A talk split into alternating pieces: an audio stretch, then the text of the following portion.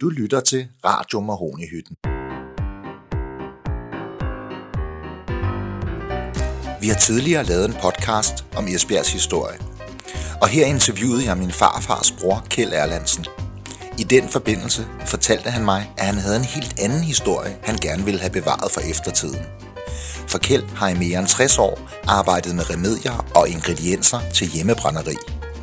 Vel at mærke i det, vi kan kalde hjemmebrænderiets guldalder – for det er en fortælling, der skal ses i lyset af, hvordan danskernes forhold til øl og vin har ændret sig markant i løbet af de 60 år. Kjeld kom blandt andet til at spille en central rolle i tilblivelsen af en subkultur, der begyndte at interessere sig for øls smagsnuancer længe før de trendy ølbarer skød op i alle danske byer. Men der har vel altid været hjemmebrænderi. Så mit første spørgsmål til Kjeld var, hvor vi skal starte historien. Vi går ikke tilbage til de gamle grækere og Ægypter og sådan noget. Men øh, i årene fra 30 og op til krigens begyndelse, var det jo almindeligt, specielt i Tyskland, at man lavede sin øh, frugtvine. Det var meget brugt i Tyskland. Og der var jo havefolk i, i Danmark, kolonihaverne, øh, brugte jo at bruge øh, at bruge havens frugter og lave frugtvin. Og der blev produceret også frugtvins øh, konsumvin, men det var jo ikke af sådan specielt øh, høj kvalitet, og man drak altså forbruget af vin var jo heller ikke så stort i de år. Både, tror jeg, sådan af økonomisk, øh, det var jo et prestigeprodukt at, at købe vin. Og det var kun sådan til særlige lejligheder. Og det der med, med øh, altså der fandtes jo øh, forskellige øh, gæragenturer i Tyskland, som også blev solgt herhjemme i meget beskeden øh, grad. Men så kom krigen, så var det jo sukkerrationering, og så var der i hvert fald ikke sukker til at lave vin. Og så døde hele det, det, det marked undtagen på øh, den professionelle side. Altså øh, danske vin, øh, vingrossister og sådan noget, de havde jo deres frugtvinsproduktion. Og man lavede værmut, og man kamuflerede det med alt muligt polymut. Så selve det der, at, at frugt øh, gav et drikkeligt produkt, øh, det forsvandt jo sådan set under krigen. Ja. Øh, og gjorde, at efter krigen blev det jo ikke overhovedet ikke attraktivt. Altså, man så meget ned på sådan noget som det der. Altså, det var jo kun nogle tosser, der kunne finde på at lave sådan noget. Så det lå jo egentlig helt stille frem til, da jeg kom i lære i 50'erne der. Så det var sådan noget, man kunne gå og købe på apoteket i august-september måned, når der var lidt blommer, og når der sådan var man investerede ikke i råvarerne. Enten var det noget, man havde i haven, eller også så var det sådan, ja, øh, det kan vi godt prøve at lave. Og øh, kvaliteten af det var heller ikke sådan fremragende. Det var nok sådan lidt øh, lotteri. Nogle gange, gik, nogle gange gik det godt, og andre gange, så blev det øh, kloakken, der overtog projektet. Ja. Så mit første møde med, med det i sin tid, det var, ja, det var noget, der blev solgt over på apoteket, hvor jeg øh, sådan var med. Jeg ville jo gerne være eksamensfarm, så det var sådan noget sådan i august-september måned. Og jeg var lidt nysgerrig, fordi jeg havde jo leget med sprit og gær, fordi det synes jeg var meget spændende, og vi havde jo også lavet vores første spritproduktioner, som var noget forfærdeligt revpis, som vi bare kunne brænde af. Så da jeg kom lærer over i, i materialhandlen, så sagde apoteket, jamen så er jeg fri for det, kan du ikke tage det med derover. Og hans bekendte var jo viner, øh, vinhandler og havde produceret frugtvin under krigen og sådan noget. Og jeg er nysgerrig, jeg vil godt vide lidt mere om alt det der. Så øh, jeg var derude, og der var jo sådan nogle gamle reve om, hvordan man lavede det under krigen, og hvad man kunne lave det, så var nogenlunde ordentligt. Man øh, tog sine æbler, og så mosede man dem og satte noget sukker og noget gær til, og så håbede man på, at hvor herre ville sine øh, sovsen. ja. altså det var nok vingær, og det var også noget, man, man sådan brugte uh, professionelt, men altså kvaliteten af tingene var ikke særlig fremragende. Da jeg uh, i 63 blev tilbudt et, et job i sådan en, af en herre, som hed Svend Poulsen, som havde lavet et firma, der hed Heigar. Havde fået et tysk agentur fra Kitzingen af flydende gærkultur. Øh, så synes jeg, at det kunne jeg jo godt øh, sådan lige bruge et års tid eller to på, inden jeg etablerede mig som materialist i en eller anden provinsby. Men altså, det blev et liv i sprit og gær. Men den oprindelige plan var, at du ville være farmaceut? Ja, men øh, da jeg ikke kunne latin, så kunne jeg lige så godt opgive den, øh, den akademiske del af det. Så, så jeg lærte mange sjove ting på apoteket, nemlig den håndværksdel, hvordan man laver og blander og rører salver og sådan noget. Og så fik jeg så kontakt med Svend Poulsen, som havde det der Kitzinger-agentur. Ja, han havde været nogle gange i øh, virksomheden for at fortælle om sit øh, gæragentur, og det var han ikke særlig god til. Med. Men øh, så tænkte jeg, at det kunne sgu meget sjovt at prøve det et par år. Så han havde en lille kælder over i Schaksgade på, på øh, Nørrebro og så gik vi sådan set i gang, og det første års øh, projekt, ja, det var altså ikke noget at skrive hjem om. Eller altså, vi sad tit sådan over bord og sagde, hvad kan vi gøre, hvad kan vi gøre for at få noget mere omsætning på. Fordi de der august til december, det var altså ikke en, en sæson, vi kunne leve af to mænd. Ja, det er klart.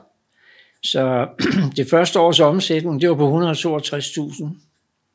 Og det var ikke sådan noget særligt.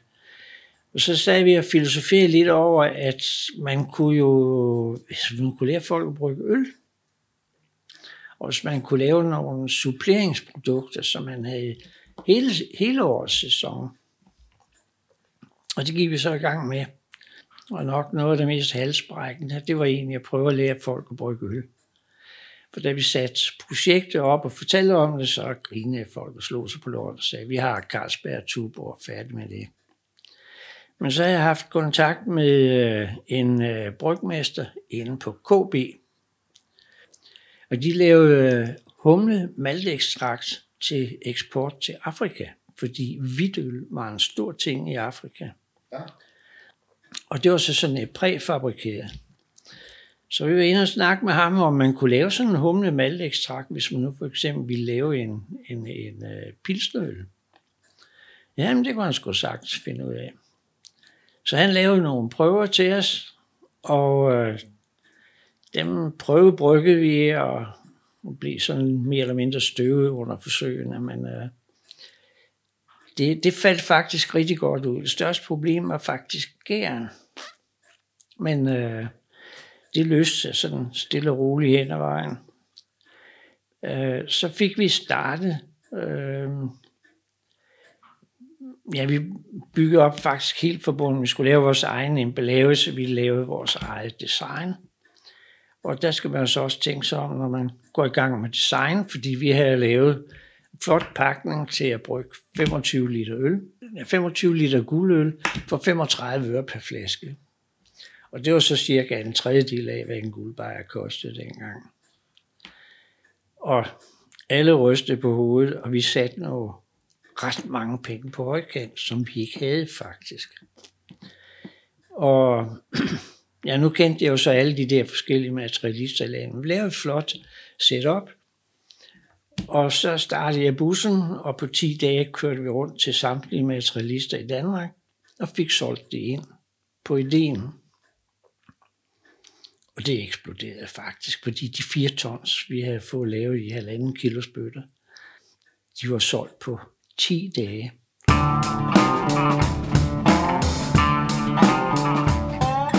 Vi lavede sådan nogle pressemeddelelser, de materialister, der havde lyst til sådan at, at gøre, uh, gøre lidt mere ud af det og sådan noget. Vi lavede et kit, sådan ja, at man... et startup kit, så enhver kan et startup kit, så enhver kunne sætte sig ned med en gryde vand, og lave en, en, en kop øl. Ja. Og Hans Bischof, som var på BT, han synes, det var en skide fest i det. Så han kom over en aften og, og interviewede os. Og der havde vi jo lavet en, øh, altså vi havde lavet mange forsøgsbryg, inden vi nåede så langt jo. Ja. Og vi skulle smage de forskellige, der var forskellige styrker og sådan noget. Og han, han gav os faktisk en fantastisk pres. Midt af siderne i BT, sæt vand over til en kop øl. og jeg kan, jeg kan huske, at han øh, stavlede op ad kældertrappen. Vi boede i en lille kælder over i Schaksgade.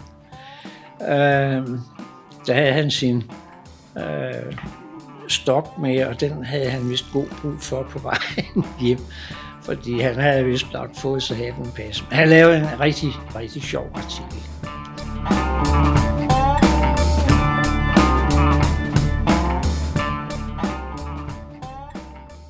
Og det eksploderede jo sådan set, fordi så kom den jo alle vejen. Og vi fik utrolig meget gratis presse på det der. Og det eksploderede.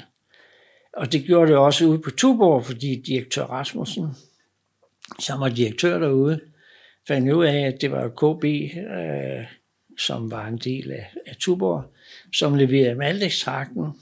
Så vi blev indkaldt til møde, altså det ville de ikke levere mere. Slut. Ja, det kunne vi altså ikke rigtig se øh, noget fornuftigt, men sådan var det. Så sagde vi, jamen altså, vi havde jo øh, fire tons mere i gang, fordi altså, de, de første fire tons var forsvundet på ingen tid. Nå, men okay, så fik vi dem. Og så må vi skulle selv finde ud af en løsning derefter. Nu var gode dyr rådne, så vi kontaktede Harbo, som lavede maltekstrakt. Det var den eneste, vi kunne finde. Jeg synes, det var underligt, men det var bare sjovt, så det ville han godt.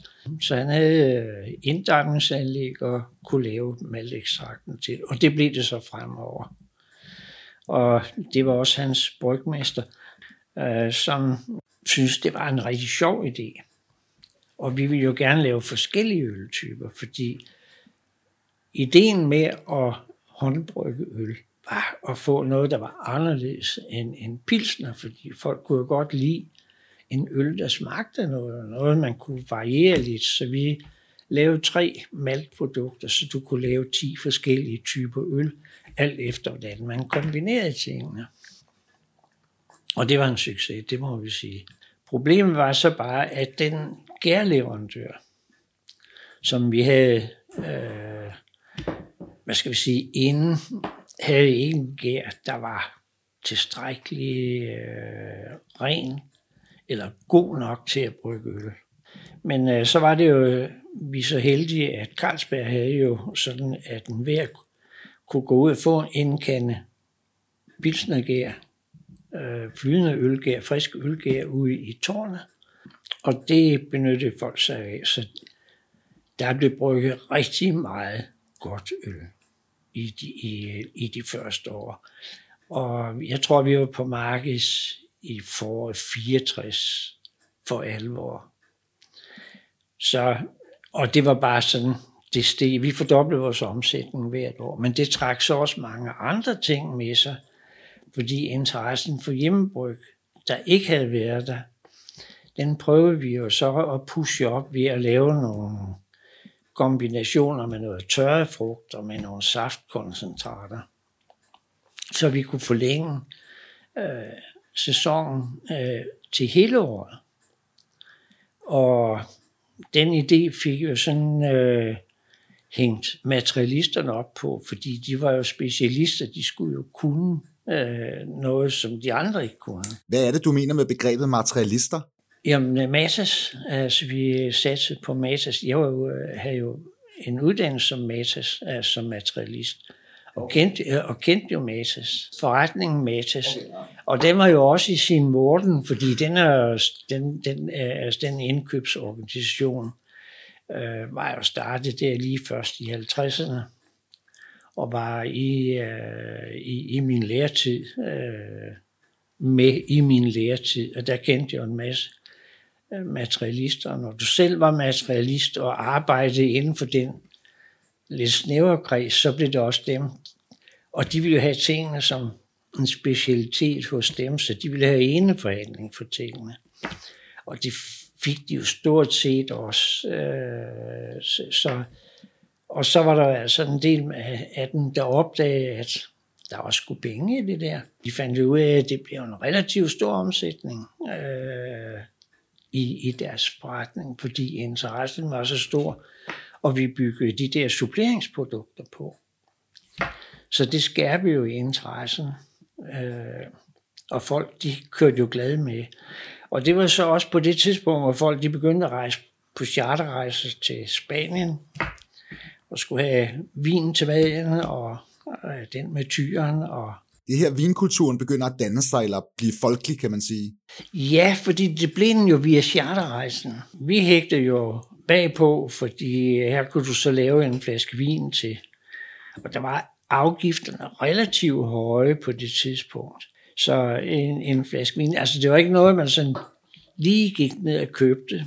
Og der tror jeg, at øh, skjoldborne var sådan dem, der ligesom øh, blæste med på, og, og den med tyren, ikke? altså ja. rødvin, altså øh, fandt ud af, at folk ville gerne drikke vin. Hjemmebrygge ekspanderede, og så var der pludselig så var der altså en masse andre, der også fik øje på det der, så der blev jo noget konkurrence i markedet.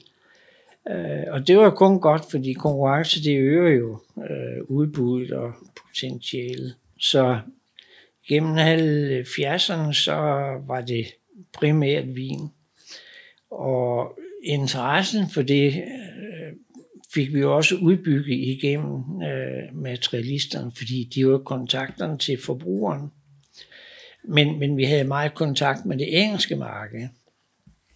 Og derover der var der jo klubber og årsstævner. Vi var over til et øh, stævne i 64, tror jeg, hvor der var 10.000 flasker vin. Og det var sådan en sommercamp, hvor der var koring af årets vin inden for forskellige grupper. Og det gav mig sådan lidt ideen, jamen det skulle også kunne gøre herhjemme, altså lave nogle, nogle klubber. Og det var faktisk i samarbejde med, at øh, forhandlerne, altså materialisterne, de kunne sgu godt se fidusen i det. Ja. Og der blev sådan ligesom øh, koncentreret noget interesse omkring det at brygge vin øh, selv. Og der kom noget viden omkring det. Jeg fik udgivet øh, en bog i Gyldendal øh, i den her Kubus-serie, hvor jeg ligesom havde samlet koncentrat af alle de spørgsmål, jeg havde fået af folk. Ikke? Hvad, hvad var det, folk ikke vidste? Hvad var det, folk ville have svar på? Men altså, det var interessen omkring og så var jeg med under starte alle de der klubber og bryggerlag. Og det var, man kan sige, det var jo en fest. Fordi når man mødte alle de der mennesker i, i bryggerlaget, øh, så var det ikke, hvad, hvad er din titel? Nej, hvad brygger du? Altså, en rang og orden, det, Det havde ingen interesse. Altså, det, det var slet ikke øh, problemet. Så var man jo lidt nervøs for, at det skulle blive sådan en smug, øh, smugkro og sådan noget, men det, det var så slet ikke, øh, det var slet ikke udviklingen til. Og det foregik egentlig meget sobelt, og bolig, øh, boligselskaberne skører en masse af de der boligforeninger og store byerier op. Og der fik man øh, faktisk lagt ind i mange af de der bebyggelser, at man havde et hobbyrum. Og det at brygge vin og bryggerlaverne blev faktisk en meget øh, god social institution. Ja. Selvom jeg var, det kan da godt være, at der var nogen, der fik lidt for mange gange imellem, men, men, det, men det var ikke det, der, der, det var ikke det, det udviklede sig, det var ikke det, der var formålet. Og tolvvæsenet kiggede jo lidt på det, og der var lidt palaver frem og mod, men, men altså... Er det noget, myndighederne har blandet sig meget i op gennem 60'erne og 70'erne? Nej, fordi, okay. for, fordi øh, det lå jo under, hvad skal vi sige, hvad, hvad du laver i din husholdning. Ja, det er mest, hvis man laver masseproduktion, ikke? Ja, men sælge, altså hvis du begynder at sælge det, eller gå på markedet med, med, med færdige produkter og sådan noget, så, så falder hammeren. Jeg havde kontakt til Gellerplanen, som jo i dag er sådan meget udskilt. Det må man sige. Men det var jo egentlig, da det blev bygget, et udflytterkvarter. Og øh, der blev jeg kontaktet af en gruppe derovre fra, fordi de har fået at vide, at jeg havde maltekstrakt og, og de der forskellige ting til, til øl. Det, det startede med, at man, man bryggede øl i opgangene, ligesom man gjorde i en masse forskellige boligselskaber. Altså, der var Skovlund og Ballup, og altså her, alene her i Københavns omegn var der 12 bryggerlag, som vi havde kontakt til. Det første bryggerlag, jeg stiftede, det var faktisk i 1971, og det lever så stadigvæk. Det er altså 47 års jubilæum. Mange er kommet og gået øh, undervejs, men, men Gellerup-planen blev faktisk et fantastisk projekt. Gellerup er bygge på Torsgårdens udstykninger. Og en ret stor gård med, mange, med, med meget jord til. Ikke? Og det bliver så solgt fra, hvor man så begyndte at bygge disse udflytningsklodser.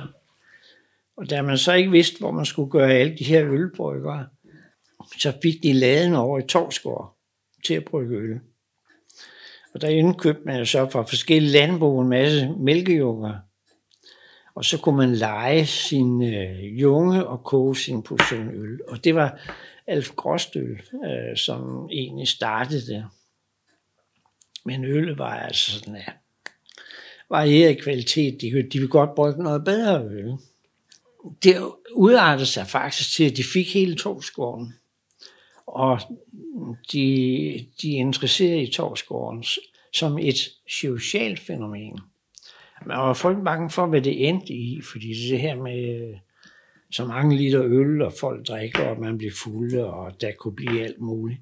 Men det havde tværtimod, det, det havde faktisk en modsatte virkning. Ja. Fordi øh, der var på det tidspunkt, jeg havde kontakt med, var der 135 mennesker øh, medlem i, i medlemmer i Bryggerlaget. Og de var fader til 40 forskellige hobbyaktiviteter. Frimærker og cykelklubber og seniorgrupper og så videre i Gellerplanen. Og det var egentlig en rigtig fantastisk oplevelse, fordi jeg havde meget kontakt med dem i en periode. Hvis du for eksempel øh, sad alene hjemme og kedede dig, så kunne du hænge et gul flag ud over altankanten. Og så kunne du bare tage et eller andet med og gå derover. Du behøver ikke at hverken ringe, eller du kan bare gå derover. Gellerup-planen synes jeg var nok et af de største projekter. Jeg øh, var virkelig fascineret af, af, af hvad der var der. Fordi så havde de jo så hobbydag, som var arrangeret af Bryggerlaget. Og der var 40, hvad skal vi sige, 40 grupperinger, der var frimærker og cykler og der, 100 sådan ting. Altså folk blev virkelig kittet sammen og da, da jeg oplevede ideen første gang, med den der med, lige gik ud med sådan en gul tæppe ud over altankanten, så 10 minutter efter, kvarter efter, så sad der en hel masse mennesker, og man snakkede med fint. Det var simpelthen så sendt en signal om, jeg keder mig. Ja, og tage et eller andet med, og det var som regel, så er der en pot øl på bordet, og så sad man og snakkede, så kom man til at kende nogen, har du andre interesser?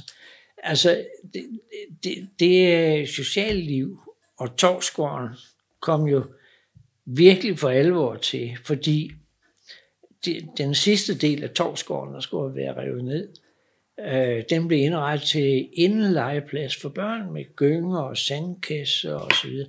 Så den fik man jo ikke lov til at rive ned. Og så er det jo, så er det jo synd, at det i dag har mistet den, øh, skal vi, skal vi sige, sociale fest, det var.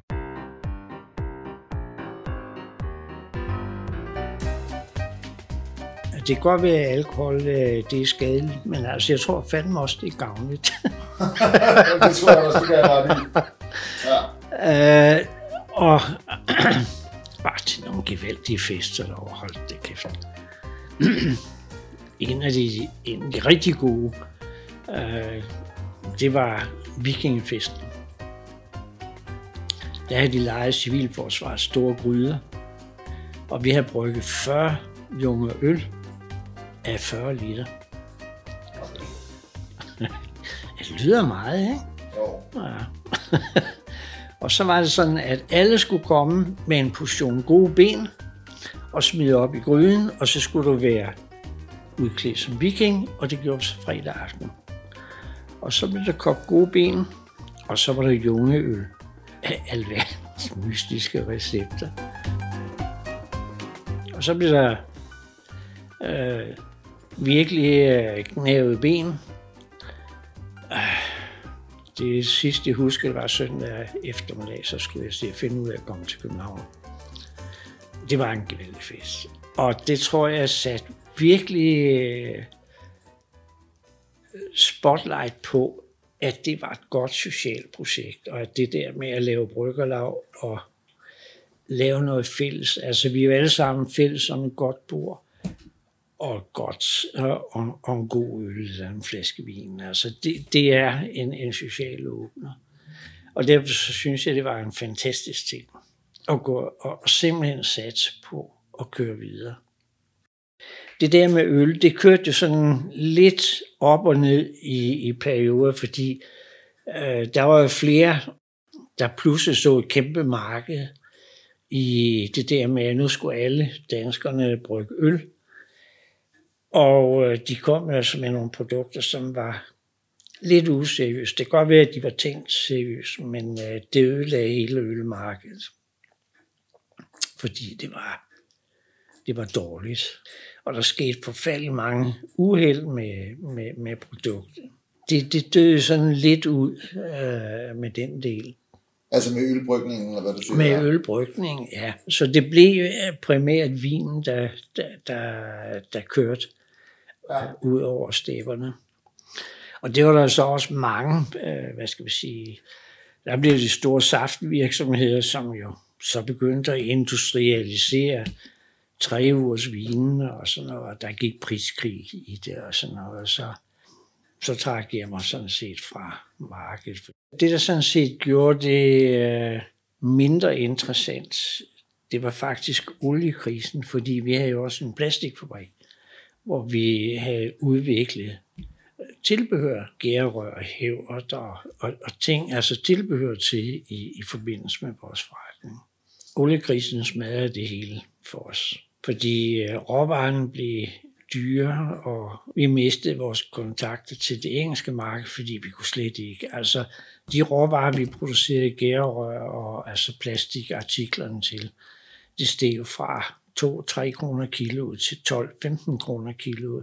Ja. Uh, og det var fuldstændig urealistisk at, at. Ja, det var fuldstændig vanvittigt.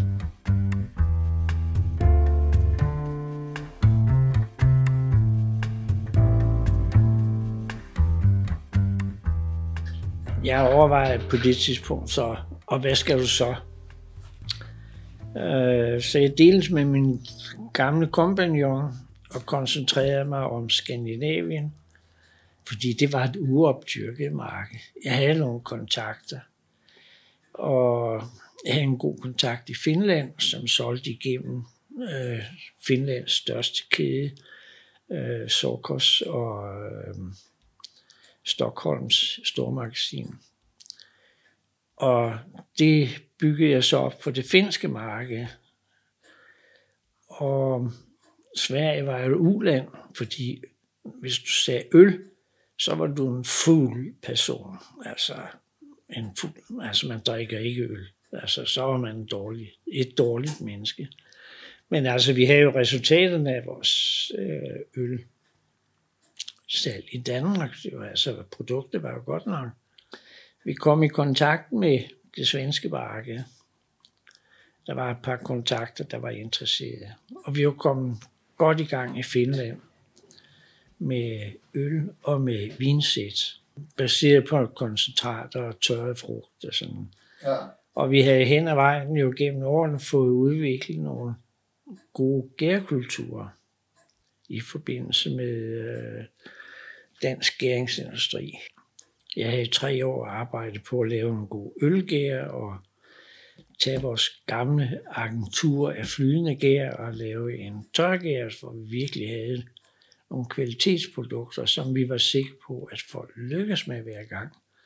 Det var det, der var, altså usikkerheden var sådan set problemet øh, tidligere, at det var sådan svingende øh, øh, kvaliteter af, af produkterne. Altså, der er vel også en vis hjemmebrygsproduktion i Sverige og Norge, men det er måske sprut, eller hvordan? Det var decideret brændvin. Men det er heller aldrig noget, du har gjort der i? Jo, jo. Det må vi jo sige, altså. Okay. øh, men, men det fulgte jo en lille smule af, at jeg fik nogle øh, svenske kontakter. Og jeg blev kontaktet, fordi øh, jeg vidste noget om sprit. Og her var vi at skrive en bog om hjemmebrænding. Og det, jeg havde læst hidtil, det var jo sådan, ja, ude i skoven og gammel husråd. Ja. Altså, hvis det skulle være så, så, så skal det altså være seriøst. Så jeg udviklede et næringsstof, hvor vi lavede en gær, så du på otte dage kunne lave et rigtig godt produkt, og når du kulfiltrerede det, øh, så fik du en virkelig god sprit. Men det var ikke det, der var det primære på det tidspunkt. Øh, vi fik kontakt til øh, en agent, som havde arbejdet ind et på at komme ind på det svenske marked med øl. Men øl var jo altså et uartigt ord i Sverige. Altså øl, det var ikke noget, man drak. Altså det var, det var lavmålt. Og Hvad det drak man så? Vin? Nej, men vin, det var jo på Systembolaget. Altså, ja, ja. Det, ja, nej, men altså kvaliteten af vin og sådan noget, det var, det var sgu heller ikke noget at skrive hjem om. Nej. Og det var dyrt som en helvede. Det var øl for den sags skyld også jo. Altså en pilsner kostede 12 kroner. Og, og så øh, ville vi så starte op med vores ølkit, som vi har gjort i Danmark. Og lave et meget, meget fint design, det hedder Bacchus. Men fanden ikke få slået hul på markedet. Nej. Og vi ville jo gerne øh, distribuere det ud igennem farvehandel, fordi det var dem, der i Sverige havde øh, ligesom stået for salget af de der artikler. Så annoncerede vi i alle de svenske lokalaviser helt op til Kiruna øh, en annonce med hjemmebrygge, bryg din egen guldøl til og bum bum, reklamestånd, øh, som vi har lavet i Danmark. Det var så sådan, at hvis du er interesseret, så var der en, en postboks, hvor du kunne indlevere din bestilling på, altså billetmærke, ja. i de forskellige øh, bladredaktioner deroppe. Så læste vi vores lastvogn, og den var altså fungerer også som telt og opholdssted. Og kørte vi derop af og tømte postboksen. Og der var sgu bid i dem alle sammen.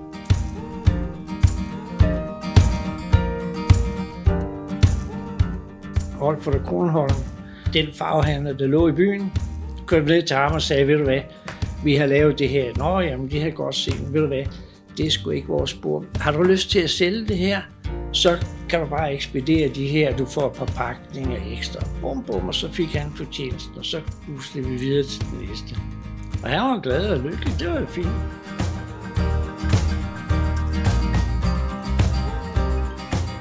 efterhånden, så vi var ikke nået op til Midtsverige, Så var der ringet hjem til fra grossisten Olfert Kronholm, at de ville øh, godt snakke om det der ølprojekt. Og det blæste vi på. Vi fortsatte bare og de under. Så vi var ikke tre uger, og vi solgte ind, og vi traf en masse sjove mennesker. Ja, det, det var en fest. Det, ja. må jeg, det må jeg sige. Vi havde jo både bajer med, som ja. vi havde brygget, så de kunne smage det og sådan noget, og forhandlere, og når man kommer nord for, nord for Stockholm, ved du hvad, så er det nogle helt andre mennesker, ligesom at komme i Jylland. uh, du kommer til nogle mennesker, der snakker lidt anderledes, og er meget længere nede på jorden. Det var skide fint, og de var meget opsat, og det kunne ikke undgås, at vi kom til at snakke om sprit. Ah, hvordan og sprit var Vi var hjemme og se de sjoveste arrangementer med, med hjemmebrændt sprit. Men det var ikke det, vi var ude for at sælge. Vi ville lave øl og vin, altså. Og fra at vi stort set ikke solgte mere for 200-300.000 i Sverige, så i løbet af det følgende år solgte for 3,5 millioner fordi det fulgte så mere med, vi lavede også et øh, vinkit, og vi lavede tilbehørsæt, altså vi udbyggede et, et sortiment, som det vi virkelig havde. Så det blev øh, introduktionen til det svenske marked. Men i, i det kom vi jo så også i, i kontakt med andre medier i, i det svenske marked.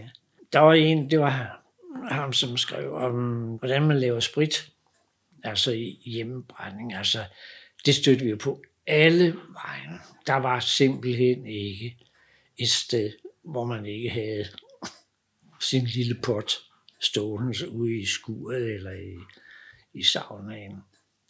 Men det var nogle forfærdelige produkter, vi blev præsenteret for. Så sammen med den kon- nye kontakt, jeg fik i øh, Sverige, mm, sammen med ham opbyggede vi en franchisekæde af forhandlere, som var specialister i hjemmebryg.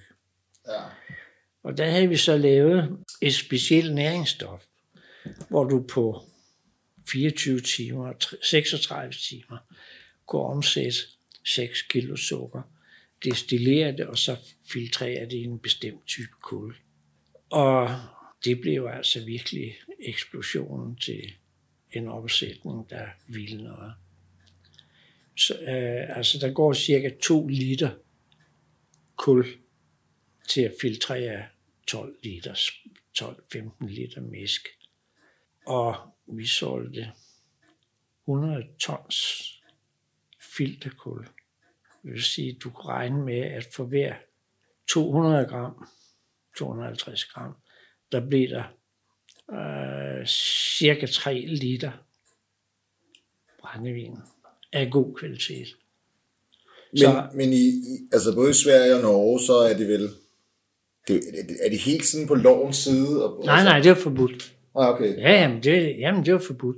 Altså ja. alt muligt der lænes. Altså, vi fik jo et problem i Finland, fordi de forbød koncentrat. Ja, okay. Så du kunne kun øh, lave et vinkit på på tørret frugtebær. Og det havde jeg relativt stor erfaring i, så derfor fik jeg stort set det finske marked i mange, mange år helt for mig selv, fordi det var der ikke nogen, der kunne, og der var ikke nogen, der kendte.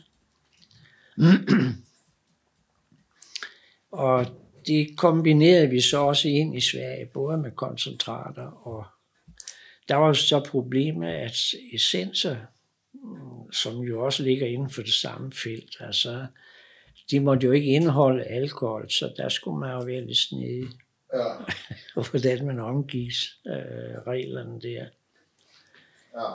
Og der har jeg været i Frankrig og øh, i anden anledning, hvor, um, hvor nede ved de der bøger, som laver vinfade og sådan noget, der lå et tonsvis af spåner på gulvet, så sagde jeg, hvad bruger jeg dem til? Jamen, det, det blev fyret med, så sagde, man kan ikke få sådan en sæk med hjem. Så dem præparerer jeg med whisky og whisky aroma og cognac aroma og sådan noget på de små poser, og så i stedet for at sælge flaskeessenser, som var lavet på noget besværligt noget, så um, lavede vi spånessenser. Okay. Uh, whisky og cognac. og det første år, hvor vi lancerede den, solgte 75.000 poser alene til whisky. Så altså, det, det var, men, men altså, det var sådan til de bit, bit ting, men vi fik jo opbygget en franchisekæde, som havde vin, som havde øl, som havde essenser og hvad der nu hører til i den branche. Ja. Og den voksede eksplosivt. Den blev virkelig stor. Fra at det ligesom ikke havde været noget, så var vores Barkus-serie med vin, øl, det var egentlig det, der åbnede virkelig op for det øh, svenske marked. Og der fik vi så kontakt med nogle nordmænd, som øh, synes at det var altid det her. Men det var jo også, hvad skal vi sige, det var også brænderiet i første omgang. Ja. Øh, fordi det var, tingene kunne sgu ikke blive stærkt nok. Nej. Men, men øh, hvor vi så øh, trods alt får lov at fik øh, vin og øl med ind i markedet. Og det har så været sådan en, en, en, en en sjov udvikling igennem årene. Fordi fra at hjemmebrygge vin i Danmark var stort, det, det, det var virkelig stort øh, i 70'erne og 80'erne, altså tre ugers vin, og der kom flere og flere, og priskrigen, den, øh, den, den starter, da var jeg bakket ud for længst. Så 70'erne, det var vin, og øl, det var måske mere 60'erne? Ja, det var stort. Altså, den, den skubbede ligesom bag på hele øh, ideen om at brygge hele året. Ja. Altså, hvis ikke du lige havde lyst til at brygge øh, vinen, fordi du havde nok fra sommerens øh, frugt og sådan noget, så bryggede du øl. Altså, det, det var, der var sådan en vekselvirkning, og der var jo en overgang, tror jeg, der var 400 bryggerlag i Danmark, hvor man samles om at brygge i et eller andet kælderrum og sådan noget. Og jeg har været inviteret til mange sjove fester øh, ja. i det, det var jo et glad, et glad fag. Selv helt op, da jeg var barn, der var det generelle forbrug jo sådan lidt et valg mellem Hof og Tuborg. Ja. Men der har så alligevel været en subkultur, hvor det handlede om at lave forskellige smage, eller hvordan? Ja, for den holdt sig sgu trods alt i live via bryggerlavene. Og så var der jo øh, nogle øh, meget engagerede mennesker, som begyndte at importere øh, øl fra Holland og Tjekoslovakiet og Polen. Altså øl kunne sgu godt være noget andet, og, og det, det var jo sådan set også min idé med at udvikle de der ølprodukter. Ja. Du kunne lave 10 forskellige varianter. Jeg synes jo, der var mange skønne engelske øltyper og tjekkiske øltyper og sådan noget. Altså hvorfor skulle det være sådan noget som øh, nordmænd kaldte gyngehestepis, ikke? fordi der var ikke noget slag i det. Og sådan. Kraven til kvalitet øges jo hele tiden i forbindelse med forbrug. Ja, ja. Og det har været meget sjovt at se, at bryggerierne fra, hvad fanden er det her for noget, ikke? til i dag jo altså udvikler sig til specialbryggerier og er klar over, at der er altså et stort behov mm. eller et andet behov for øl. Og nu er vi jo oppe i en prisklasse, hvor en speciel øl koster som en flaske vin. Ikke? Jo, jo, og inde på Vesterbro, der er der fermentorerne, og så er der jo Nørrebro Bryghus, og der er kommet enormt mange specialølbarer, og de er jo skudt op inden for de sidste 10 år. Og de er ligesom udviklet af håndbryggerne, som har gået i deres klubber og lavet nogle øller, som var anderledes. Ja, for det, der netop er lidt sjov her, det er jo, at her der taler om en subkultur, der har levet sit stille liv i rigtig mange år, og så er blevet trendy. Ja, altså de kom jo i kraft af også, at man importerede øl og sagde, at altså øl er sgu andet end Hof og en Tuborg. Ja. Og det er ikke, at Hof og Tuborg er, er dårlig øl. Den er lidt kedelig, ikke? Altså, jeg kan godt lide den, fordi jeg stiller ikke den slags krav til øl. Der har jeg det mere med vin. Nej, men altså, øh, hvis man skal hygge sig med, med en øl, så må den godt have lidt mere smag eller body. Altså, der må godt være noget andet i, ligesom der er vin. Altså, vin er jo mange ting. Det er øl sgu også. Noget af det kommer til at danne grundlag for, at Carlsberg faktisk skiftede lidt stil. Carlsberg 47 for eksempel. Min nabo var gode venner med nogle penge ud for Carlsberg. Og han havde så en rund fødselsdag og stor fest. Og der, havde vi, der var vi virkelig i marken med vores øl. Og så havde naboen sagt til ham, altså, ja, men min nabo, han har også et eller andet bryggeri og sådan noget. Hvad fanden det var for noget? Nå, jamen, om jeg også brygger øl? Ja, det gjorde jeg. Fortalte ham lidt om, hvad, hvad vi lavede. Nå, ja. Det ville han ikke kommentere nærmest, spurgte om han havde lyst til at smage. Og så var, gik vi over til mig, og så smagte han sanden som var, Den blev fandme godt. Nå, og så gik der lang tid, øh, så, skete det. så ringede de ud fra Carlsberg, at jeg havde sådan noget øh, maltekstrakt i øh, sådan en bestilt type der. Om de kunne købe sådan noget, øh, nogle, nogle poser af mig. Jo, det kunne de da godt. Jeg sendte det bare ud og sagde, så kan jeg få en kan ølgær med hjem så hørte jeg ikke meget mere til det. Før en af mine gode venner, han var øh, chef ude på Statens Husholdningsråd, og havde noget, der hed Biocentralen. Og det er der, hvor man smagstester, altså man kunne levere produkter ud, og så kunne man smagsteste dem. Og så ringede han og sagde, du, vi skal have noget prøvesmagning øl. Har du lyst til at være med til det? Ja, det vil jeg sgu gerne. Og vi hælder de der øl op. Nej. så, så det grin. Det smager fuldstændig. ligesom dem, vi lavede af den der, altså en speciel kombination af vores maltekstrakt. Og der gik jo heller ikke lang tid, så tid Carlsberg 47. Og så nok fandme som en af mine gamle recepter på øl. Ja, ja det var lidt skidt. Ja, det var meget pudsigt. Og det, det er en øl, jeg altid har været glad for. Den synes jeg smager skide godt. Men altså, ølentusiasterne, øh, som jo er en stor forening i dag, ja. udsprang jo af sådan nogle fanatiske øldrikkere, som ville smage andre øl. Og de startede, så vidt jeg husker, i en kælder et eller andet sted ude på Østerbro med at importere øl fra alverdens øh, hjørner. Og det gav ligesom et boost til ølbryggerlavene, altså hjemmebryggeølen. Og det var, altså jeg kan sige, der var så kommet et materiale, øh, hvor man virkelig kunne lave noget ordentligt øl. Og der kommer også noget tilbehør, så du virkelig kunne gå i gang. Men der tror jeg, at man meget har sluttet sig sammen, fordi det udstyr, du skal bruge, det er enkelt, men det skal være... Øh, altså, det er ikke særlig kompliceret at bruge øl, men det kræver nogle ganske få specifikke ting for at lykkes.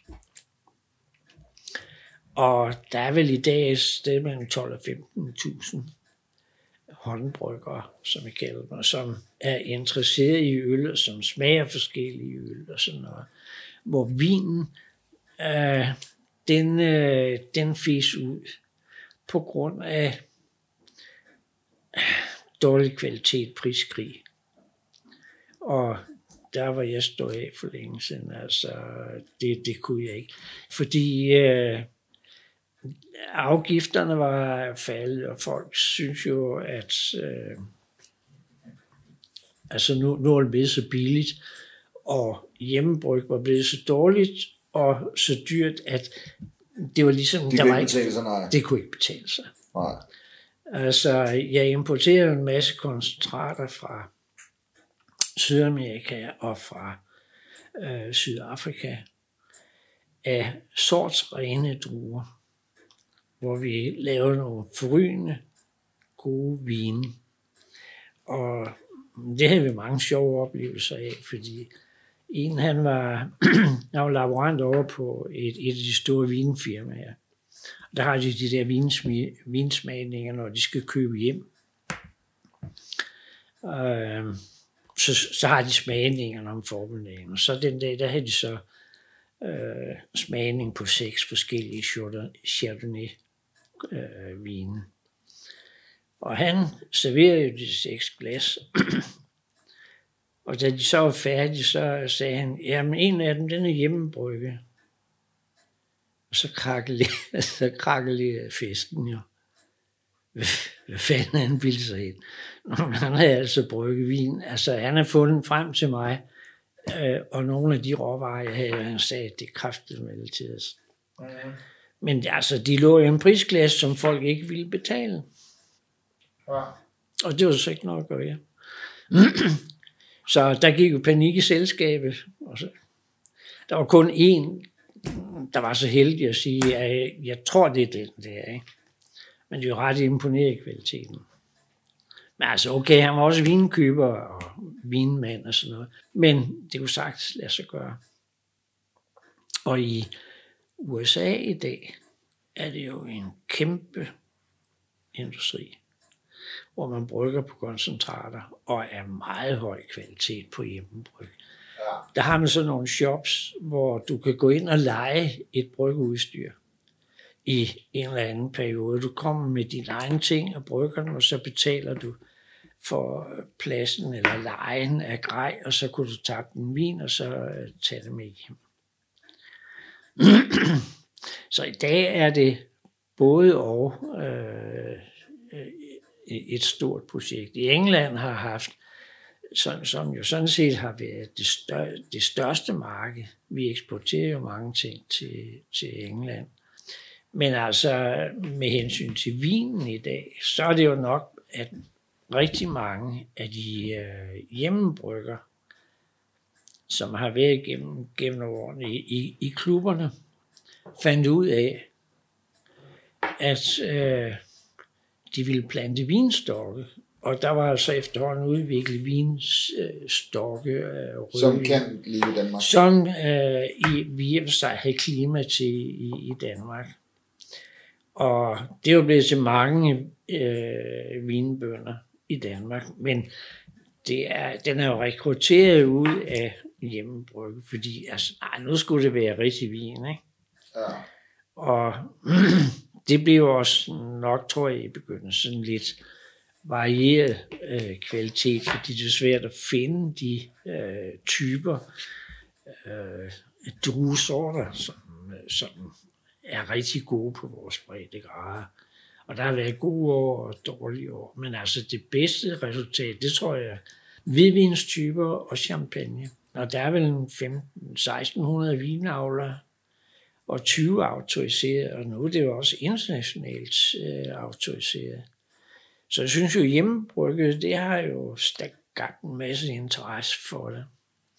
Og jeg kan huske, altså, da det gik rigtig stærkt, der var vinbranchen jo dybt bekymret for øh, alt det der hjemmebryg.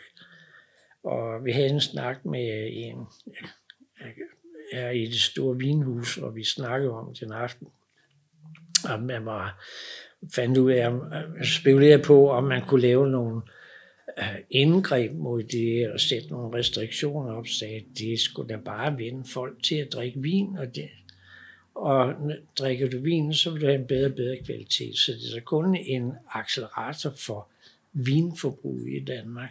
Ja. Og det viser sig også, at det, det er jo det, der er resultat. Ja, ja. Ja, for var der ikke noget med, at den med tyren, den skulle helst stå på en radiator lidt? Og... Jo, jo, jo. der, var, åh, der, var mange, der var mange tricks. Ja, det kunne virkelig være noget revepis, ikke? Altså nu tænker jeg ikke kun på det, men også bare det konsumvin, man havde i Danmark. Altså der var det, der hed øh, Pyramidar, ja. som var syntetisk fremstillet. Altså man havde noget vand, så havde man noget aroma, og så havde man en analyse og sagde, at der skal være det og det og det, og så blandede og det sprøjtede ud, det kom ned fra Tyskland, altså det var syntetisk vin, øh, til, en, til en fornuftig pris, og du kunne lige ramme ganen, det vil folk billede jo det der pyramidare i sig, ja, ja. og det var en stor sælger indtil, og jeg så kollapsede ideen altså lige pludselig. Ikke? Ja. Men det har været sjovt i det forløb, i de 60 år, hvor jeg har leget med på, på vognen, og se den udvikling og opleve det op og ned og op og ned. og nu er jeg så spændt på, hvad bliver det næste? jeg går stadigvæk med en lille drøm om at lave en, øh, en, en, sådan en museerne, let museerne frokostvin i pilsnerstyrke øh, af vores æbler. Vi lavede en række forsøg i sin tid med forskellige æblesorter, som vi gærede op. Og der er altså nogle guddommelige smage, altså, som godt kan hamle op med det en stor del af den vin, der er på markedet, til, til ingen penge. Og jeg håber, jeg får mulighed for at, at sætte det skib i søen. Og med denne replik fik vi også afslutningen på podcasten Et liv i sprit og gær.